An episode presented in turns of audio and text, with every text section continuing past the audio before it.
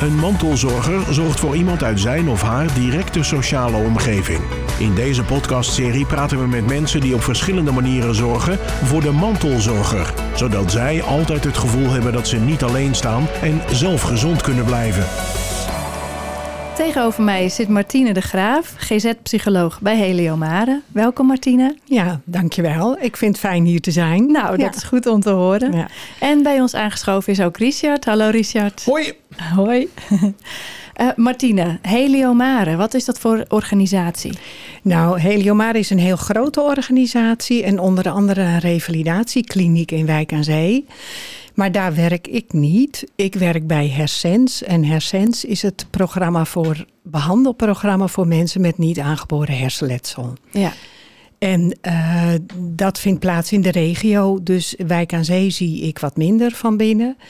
Daar kom ik natuurlijk wel, maar wat minder. Maar en, en Wijk aan Zee, is dat ook een revalidatielocatie voor mensen met niet aangeboren hersenletsel? Ja, ja, ja, dat is ook een uh, ja. En ook voor mensen met een dwarslesie bijvoorbeeld. Of met ja, nog heel veel andere zaken. Ja. Maar ook voor mensen met uh, niet aangeboren hersenletsel. Door bijvoorbeeld een beroerte of een ongeluk. Ja. En, en jij werkt dus met name voor hersens. Is hersens dan ook echt een aparte organisatie? Hoe moet ik dat precies ja, zien? Ja, nou je moet het zo zien dat Heliomare biedt hersens. En ik zeg hersens. Ik Sorry, ja, ja, ik leg de klemtoon steeds nee, verkeerd. Ja. geeft niks hoor. maar ik ben gewend geraakt om de klemtoon anders te leggen. Want Ja. je schrijft het ook anders. De laatste letter van hersens is een Z.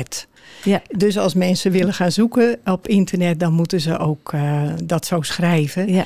Um, en wat was je vraag? Nou, of, of hersens dan ook, nou ja, je, je zei het net al, het wordt aangeboden door Heliomare. Ja, in, in Noord-Holland. Ja.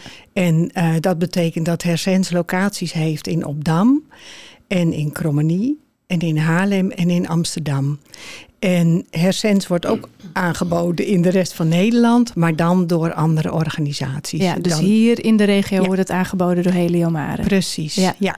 En Hersens, zit dat dan ook uh, in de rest van Noord-Holland? Want je zei eigenlijk een beetje in, in, in het uh, ja, zuidoost een beetje hè, van, van Noord-Holland, ja, maar ook... En op Dam dan. Ja. Uh, we zaten in Herengewaard en dat is op Dam geworden. En wij zitten nog niet hoger nee. in het noorden. Nee. Natuurlijk zijn er wel eens ehm, pogingen om tot nog meer samenwerking te komen. Ik sluit niet uit dat we misschien nog wel eens op een andere locatie ook komen. Ja. Maar nu is op Dam het hoogste. En wat, stel... wat, wat, wat, is eigenlijk de, de diepere gedachte achter die naam? Hersens met een Z. Ja, nou dat je het denk ik goed kan vinden op internet. Oh, ja. Ik denk dat dat... Uh, en hersens, hersens, het brein. Dat ja, die, is link is, die link is er wel. Ja, ja, ja, en dat zit ook in het embleem hoor. Dat, uh, in het logo zit dat mooi verwerkt. Daar, daar is het nog afgebeeld met een hele kleine opgaande ontwikkeling. Vanuit de veronderstelling dat de mensen die bij ons komen... ook nog kleine stapjes vooruit gaan. Ja, ja, ja. ja. ja. Want kan je eens vertellen over dat hele proces... Want um, niet aangeboren hersenletsel, nou, dat, dat zit al in, in de term. Hè. Je, je krijgt het op het moment uh, of dat je een ongeluk krijgt of een beroerte. Hoe gaat dat dan uh, in zijn proces? Want niet iedereen wordt daar beter van, denk ik. Nee, nee. Uh, ongeveer een derde van de mensen die een beroerte krijgen of letsel oplopen vanwege een ongeluk of vanuit een, bijvoorbeeld een hersenvliesontsteking. Een derde van die mensen uh, herstelt niet helemaal naar het oude niveau. Nee. Twee derde ongeveer, dus wel. Ja, dat is evengoed nog wel een grote groep. Dat is best een ja. heel grote groep, ja. Dat zijn, maar dat zijn de mensen die ik nooit ontmoet. Nee. Ik ontmoet vooral de mensen die na, um, nou zeg nou een beroerte en opname in het ziekenhuis... en dan ook nog polyklinische revalidatie ze zijn dan inmiddels thuis en dan na verloop van tijd wordt duidelijk dat um, er nog steeds restverschijnselen zijn. En die mensen ontmoet ik. Ja. ja. En die restverschijnselen, wat, wat zijn dat dan? Ja, die kunnen heel divers zijn. Maar als ik nou een rijtje noem, dan denk ik aan uh, concentratieproblemen. Dan denk ik aan vermoeidheid. Um, Waar ik ook aan denk is aan bijvoorbeeld somberheid of uh, depressie of um, moeite met het uh, plannen van je dag. Uh, ja, al dat soort dingen. Van die verschijnselen die soms niet zichtbaar zijn voor de buitenwereld. Want dat is ook wel een essentie. Zoals bijvoorbeeld die concentratieproblemen of communicatieproblemen. Dat zijn dan weer mensen die ook afasie hebben. En maar wat, is, wat is afasie? Afasie is dat je de woorden in je hoofd, als ik het heel eenvoudig uitleg, dat je de woorden in je hoofd niet meer kan vinden. Dat je ze wel weet, maar je, je kunt ze niet meer uitspreken. Of, en dat is een andere vorm van afasie, je begrijpt ook de taal niet meer goed. Oké. En uh, dat er dus altijd communicatieproblemen zijn, dat is bij afasie altijd uh, duidelijk. Ja. Je, hoort, uh, je, je, hoort ook wel eens, tenminste je hoort wel eens vaker van mensen die na hersenschade gewoon een, een ander karakter ja. krijgen. Dat, ja. dat, dat lijkt me als, ja. want dat is dan ook zo'n zo'n restverschijnsel, zei je, noem je dat? Ja. dat? Dat lijkt me een enorme moeilijke voor de omgeving. ja. Ja, nou ja, en daarom ben ik natuurlijk eigenlijk hier uh, bij het mantelzorgsteunpunt. Want uh, ik, wij zeggen dan, hersenletsel heb je samen. Ja. Hersenletsel heb je niet alleen. En de vorm van hersenletsel waar we het nu over hebben, dat is letsel wat ook zo'n impact heeft op de omgeving. En ons behandelprogramma richt zich op de personen zelf maar ook nadrukkelijk op de omgeving en op de partner, maar soms op de kinderen, op de andere familie. Maar, maar dan krijgen jullie dus ook behoorlijk wat te maken met mantelzorgers. Als je ook op die. Ja. Ja. dat de, zeker na een, eh, een, een, ongeval of iets dergelijks, die dan, dat, dat is natuurlijk ja, is eigenlijk bijna een achtbaan waar je dan als uh, mantelzorger in terechtkomt. Ja, dat noemen mensen natuurlijk ook altijd, dat ze in een rollercoaster terechtkomen. Ja. En um, in aanvang, als het echt een ongeluk is of een beroerte en mensen komen eerst in het ziekenhuis en er wordt nog heel nadrukkelijk naar herstel gewerkt, dan is nog niet zo duidelijk hoe bijvoorbeeld dat karakter ook uh, veranderd kan zijn. Dat wordt vaak pas na verloop van tijd uh, vastgesteld. En dan komt ook, wordt ook duidelijk hoe uh, de mantelzorger ja, overbelast aan te raken is. Of die, die worstelt dan zo met een veranderd persoon naast zich. Of een veranderde vader of moeder. Ja. En dat is dan heel uh, lastig. Ja. Maar het is dus niet zo dat uh, iemand komt uit het ziekenhuis... dat ze automatisch bij jullie terechtkomen? Uh, niet automatisch. En dat zit er ook wel in, dat wat ik zo net schetste, dat niet iedereen ons nodig heeft. En omdat twee derde van die mensen dus toch wel helemaal uh, herstelt. Hersteld, ja. Door maar dat, dat weten ze toch eigenlijk al wel als iemand uit het ziekenhuis nee, wordt ontslagen? Was dat nou maar zo? Oh ja? Ja, was dat nou maar zo. Maar zo'n zoiets als zo'n karakterverandering, dat is niet meteen duidelijk. Nee. En zoiets als somberheid ontstaat in de loop der tijd. En zoiets als concentratieproblemen, uh, dat, dat, dat zie je pas later. In het begin zijn mensen vaak heel erg gericht ook op het fysieke herstel. Ja. Vaak is er ook sprake van bijvoorbeeld een verlamming of zo. Ja, dan, dan is de fysiotherapeut en de ergotherapeut zijn zo van belang. Ja. En dan wordt nog niet zo duidelijk dat er ook nog onzichtbare restverschijnselen zijn. Is, ja. is, is het belangrijk of, of maakt het niet uit uh, wanneer mensen bij jullie aankloppen? Um, qua herstel en qua omgaan met. Nou, het is niet. Het is voor ons programma niet van belang. Nee, voor ons programma, ik moet het anders zeggen, is het belangrijk dat mensen zich hebben kunnen realiseren dat hun leven veranderd is. Ja. Het is zelfs zo dat als wij te vroeg in het proces komen. En de persoon zelf of zijn omgeving is nog heel nadrukkelijk met het herstel bezig.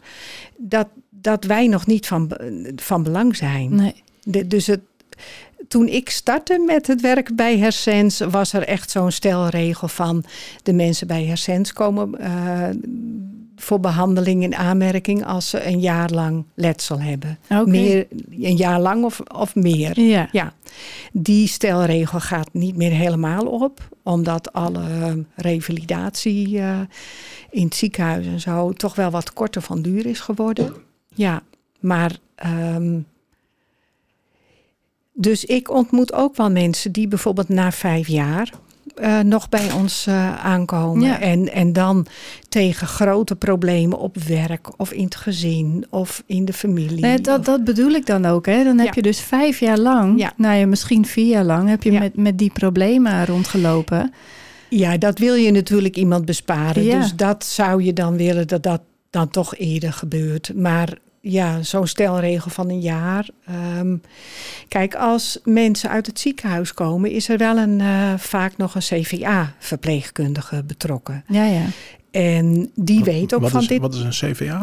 Een verpleegkundige die echt uh, heel veel weet van CVA is de afkorting voor beroerte. Oké. Dus die ingezet wordt als mm -hmm. een, um, uh, persoon ontslagen wordt. En die neemt dan nog een aantal keer contact op. Of soms komt ze ook mhm. thuis om te kijken hoe gaat het nu met u. Ja. En als de CVA-verpleegkundige die weet van het hersensprogramma. Dus daar krijgen we wel eens verwijzingen van. Ja, en, ja. en anders is het dus echt een kwestie van googelen op hersens met nou, een Z. Ja, de huisartsen zijn het zijn ook steeds vaker goed op de hoogte van, uh, van ons behandelprogramma. Ja. Revalidatieartsen weten het over het algemeen goed. Ja. Want Die, die, die, mensen die bijvoorbeeld na vijf jaar, dat is dan een, extreem voorbeeld, ja. hè, maar uh, zijn dat dan mensen die zeg maar geprobeerd hebben dat in eigen omgeving op te lossen en, en die komen daar niet uit? Of hebben die dan ook tussendoor al een traject afgelegd, bijvoorbeeld? Nou, soms hebben ze ook een traject al afgelegd. En zijn ze wel bij verschillende hulpverlening geweest. Hmm. En is het soms uh, nog niet echt duidelijk geworden dat het hersenletsel is. En, um, maar, maar, maar, maar, ja, sorry dat ik je, dat ja. ik je maar de, de, waar je dan terechtkomt, daar zouden ze toch moeten weten dat zo iemand dan hersenletsel heeft of heeft gehad? Of... Ja, door de, dat wat ik zo straks schetste van die problemen die niet zo goed zichtbaar zijn, mm -hmm. Uh, is dat niet altijd duidelijk. En soms duurt dat echt een tijdje. En wat we ook wel meemaken is dat bijvoorbeeld iemand burn-out raakt. Ja in zijn werk. En uh, als je dan met de persoon uh, verder gaat, dan blijkt dat hij twee jaar geleden ook een uh, beroerte heeft gehad. Ah. En dan is er dus sprake van grote overbelasting. En Maar- dat uitzicht dan in een burn-out. En zo iemand vertelt dat dan niet zelf. Die komt bij een arts of zo en die vertelt... ja, ik voel- ben altijd moe Ja. en ik ben dit Ja. en dat. En Nou dan- ja, dat zou kunnen, ja. Ja. Maar dan kan het dus Ja. ook zijn dat iemand helemaal geen weet heeft gehad van die beroerte. Nou ja, bij TIA, ja, over het algemeen weten mensen en ehm, ook de huisarts, Ja. en maar ook de arts in het ziekenhuis wel ervan hoor dat er een beroerte is. Dus er geweest. moet echt, echt iets wezenlijks gebeurd Ja. zijn, wil je die, die Ja. klachten ook eh, in een later stadium krijgen. Ja. Nou weet je, je krijgt ze, ze worden zichtbaar in een later stadium. Ja, ja. Begrijp je wat ik bedoel? ja. Ja. Ja. Ja. Ja, en, en dan dat, het programma. Hè? Je zegt, eh, we, we kijken zowel naar de omgeving, dus de mantelzorger dan in dit geval, als naar de, naar de patiënt. Ehm, hoe gaat dat dan in zijn werk? Komen ze tegelijkertijd bij jullie of, of zijn Ja. er twee aparte trajecten? Ehm, nou, ons behandelprogramma ziet er zo uit dat de cliënt, zo noemen we onze patiënten, ehm, bij ons komt en eh, behandeling krijgt in behandelgroepen. En dat betekent dat zo iemand een jaar lang bijvoorbeeld één à twee dagen in de week bij ons op locatie is. Daar krijgt hij fysiotherapie, omdat er vaak nog wel last is ook van lichamelijke verschijnselen. Ja. Eh, daar krijgt hij, wij noemen dat cognitieve therapie, maar dat zijn gespreksgroepen waarbij mensen eh, samen bespreken aan- met een behandelaar wat er allemaal aan, aan de hand is. En hij krijgt eh psychomotorentherapie. En, dat is met in- beweging. dat en, is, ja, dat zijn oefeningen door middel van bewegen, waardoor je je bewuster wordt van je gedrag. Oké. En ehm, een van de twee. wat, wat, ik, ik ga je dat ik- psychomotorentherapie hoor ik. En dan hoor ik van door middel van bewegen. bewegingsoefeningen Ja, worden. be- ja, ik, ik weet niet of dat nu te ver voert, maar ik geef wel eens het voorbeeld van mensen die het gevoel hebben altijd zoveel ballen omhoog te moeten Mhm. houden. En wat de psychomotorentherapeut dan gaat doen met een groep mensen is proberen letterlijk zoveel ballen omhoog te houden. En wat doe jij dan? En wat doe jij dan? En de een wordt boos, want het lukt niet. En de ander die denkt, ja, dag, die gaat zitten. En weer een ander handelt weer anders. En over dat gedrag, daar ga je dan met elkaar over in gesprek. En Je maakt het inzichtelijk bij de persoon zelf om, door, door die bewegingen. Ja. Ah, ja. oké. En Mooi. Ehm, wat we daarnaast doen, is dat een van die uh, cognitief trainers, van die behandelaars, die komt ook thuis bij de persoon. En ehm, thuis ja, daar in zijn eigen omgeving uh, volgt dan het gesprek over wat op locatie geleerd en gedaan wordt en hoe je dat thuis kunt toepassen. En dan hebben we natuurlijk heel vaak de partner of de andere naaste nodig. Ja. En die wil meestal ook betrokken zijn. En dan kan het ook voorkomen dat onze behandelaar ook wel eens uh, een aantal gesprekken heeft met een, uh, met een partner. Um, los van, van, los de, van cliënt. de cliënt, als de cliënt het dan goed vindt. Ja. En dat moet dan. Maar we hebben ook wel familiegesprekken bijvoorbeeld. Of bij iemand thuis of bij ons op locatie. Waarbij dan ook kinderen betrokken zijn of andere familie. En wat is dan het doel van die familiegesprekken? Nou, dan is vaak het doel om allereerst begrip te krijgen voor elkaar. Voor zowel de cliënt met het hersenletsel. Want soms is dat toch nog helemaal aan zijn omgeving ook niet duidelijk. Wat. We hebben ook veel mensen die bijvoorbeeld veel last hebben van prikkels. Ik zit hier nu met zo'n microfoon op. En ja, nou, er zullen genoeg cliënten van ons zijn die, uh, die dat helemaal niet aankunnen. Nee. En of het licht is veel te scherp. En uh, nou, dan doen we met kinderen, we willen we wel oefeningetjes doen. En heel simpel, uh, een zak chips naast je oor, als je die uh, laat uh, bewegen. Knisperen, ja. Dan maak je daardoor een beetje inzichtelijk wat die persoon met hersenletsel nou eigenlijk de hele dag eigenlijk hoort. Ja, Want dat, ja. dat filter, zo noemen wij dat dan, Ja. die is weg of veel minder aanwezig. Ja. En um, dus familiegesprekken vinden plaats. En um, daarnaast bieden we dan aan partners van cliënten een, uh, wij noemen dat partnermodule, maar dat zijn zeven bijeenkomsten waarbij ook mensen, partners in een groep met elkaar, um, ja, ook weer onder leiding van een behandelaar alles met elkaar bespreken, maar ook weer van dat soort oefeningetjes doen die, we, die ik net duidelijk maakte. En ook weer om om mensen zoveel mogelijk te proberen te helpen weer, weer verder te kunnen met het leven. Is, is dat ja. waar jij je energie vandaan haalt dan? Ja, natuurlijk. Want dit lijkt me behoorlijk intens. Je, je, je somt het nu gewoon allemaal even ja. op. Zo van, ah, we doen dit en we doen dat. maar dat is, dat gaat, ik heb het idee dat het toch niet helemaal vanzelf gaat. Nee, dat gaat helemaal niet vanzelf. En ik ben een persoon die erg blij is met kleine stapjes. Voor de persoon zelf, maar ook waar ik zelf van... Uh, ja, geniet. Ja. Als ik dan zie dat een gezin weer um, met elkaar aan tafel eet. Uh, terwijl ze dat een heel tijdje niet hebben gedaan, omdat het te druk was. Of dat er juist afspraken zijn gemaakt over het eten aan tafel. En uh, als dat dan maar goede afspraken zijn, daar kan ik heel blij van worden. Ja, ja. jij, jij, jij houdt ook de regie hè, over, over de cliënten. Jij bent ja. uh, regiebehandelaar, ja, moet ik dat zo, zo zeggen? Zo, zo noemen ze dat ja. dan. Dus, ja. dus jij ziet ook al die cliënten. En dan hebben ze misschien niet bij jou allemaal uh, een, een, een, behandeling, maar wel weer bij jouw collega's. Ja. En, en is dat ook wat je zo fijn vindt? Dat je dan ook juist kan zien dat die stapjes zijn gemaakt? Dat, daar haal ik uh, de energie uit. Ja. Uit juist die uh, stapjes die gezet worden. En ooit zei één cliënt tegen mij... Ach, nou ben ik het kwijt. Um, Neil Armstrong, die de eerste voet op de maan zette. One small step for man, a giant leap for mankind. Precies. Ja. En die cliënt zei tegen me... Zo voelt het voor mij.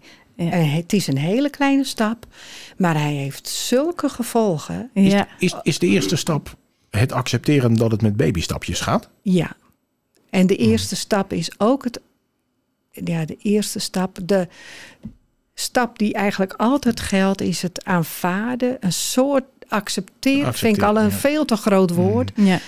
Aanvaarden dat er iets is veranderd. Ja. ja. Misschien ook wel realiseren dat je, dat je eigenlijk van tevoren, uh, als je uh, net weer een beetje herstellende bent, ja. dat je denkt van nou, we zijn er, maar dan ben je er eigenlijk nou, niet. Nou, dan ben je er niet. Nee. En, en dat maakt ook dat sommige mensen zo somber kunnen worden. Ja. Dat, dat je eerst denkt van, ah, oh, ik herstel zo goed. En dat je dan thuiskomende merkt dat je het leven veel minder makkelijk aan kunt. Ja. Nou, mijn vader heeft een, een TIA gehad, lang geleden. Ja. En die man die was in de categorie wat ze ogen zien, dat konden ze handen maken. Oh ja. Nou ja, ik, ik hoor het al aan je antwoord. Dat is heel. En, en dat ging daarna niet meer. En dat heeft voor ongelooflijk veel frustratie en woede inderdaad ook gezorgd. Ja. Ja. ik ken ook zo'n persoon die prachtige vogelhuisjes maakte voordat hij letsel had.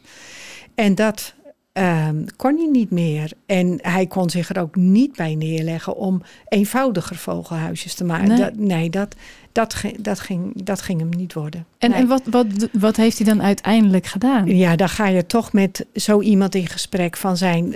Wat ik wel eens merk is als je het over, over je handen hebt, dat mensen. Nou, ik zie hier foto's van muziek, muziek, uh, schilderen of uh, foto's maken. Dat is ook iets wat uh, sommige cliënten met een hersenletsel uh, goed kunnen. En wat ook een hele ja, waar je je, op focus. moet focussen. En waar je dan al, alleen in bent. En wat dan soms best fijn is voor zo iemand. Ja, ja. En, en, en helpt er dan ook bij dat, dat die mantelzorger daarin helpt of ondersteunt? Ja, ja, die moet daarin nou, moet. Als het lukt om daarin mee te gaan, dan is dat heel steunend. Dat lukt natuurlijk niet iedereen. Nee. Want juist die karakterveranderingen waar we het net over hadden, dat is iets waar je je. Ja, wat zo moeilijk kan zijn. En de verandering van rol, hè, als je vader bent van een gezin. En ja, je ging altijd voetballen met je zoontjes en dat gaat niet meer. Uh, dan is dat voor die persoon verschrikkelijk. Maar voor zijn partner minstens zo erg. Ja. En hoe je dan toch weer ja, bij elkaar komt of het samen aan kunt. Nou, dat is een puzzeltocht. Ja. ja. Redt iedereen dat ook, die puzzeltocht? Nee, nee. nee. Daar moet je ook duidelijk over zijn. Ehm, dat redt niet iedereen. Nee. nee. En ik heb geleerd om daar soms ook begrip voor te hebben. ja niet willen tegen willen en dank willen blijven vechten. Dus soms lukt dat gewoon niet. Nee. nee. nee. En wat, wat, wat zou je mantelzorgers mee willen geven als die bij jullie komen? Of eh, nou ja, wat, wat, geef, geef je ze sowieso altijd iets mee? Van, nou ja, hier heb je misschien wel wat aan. Nou, er is een mooi boek met platen. Ehm, en daar is één zo'n plaat uh, in. En daarin wordt gezegd: uh, wat is nou het belangrijkste dat jij geleerd hebt? En dan zegt. Het zijn dieren, uh, maar prachtig getekend. En dan zegt dat paard, of welk dier het ook is, die zegt help. En dat vind ik wel, want mensen moeten durven en kunnen hulp vragen. Ja. Mooi. Mooi. Dat, is, dat hoor je toch bijna iedere podcast hoor je dat zeggen. Dat mensen hulp Bijzonder, moeten durven vragen. Ja, Dat, dat, komt iedere keer weer, eh, weer naar boven. Maar dat is ook een stukje acceptatie. Ja, dat is herkenning, erkenning van de problemen die er zijn. Ja. ja. Nou ja, uh, Martine, hartstikke bedankt voor dit, uh, voor dit mooie verhaal. Ja, nou, graag gedaan. Wil je nou meer weten over dit onderwerp? Ga dan naar onze website. Bedankt voor het luisteren en tot de volgende keer. Dit was Mantelzorger. En nu een samenwerking tussen Streekstad Centraal en het Mantelzorgcentrum. Meer informatie over mantelzorg is te vinden op mantelzorgcentrum.nl.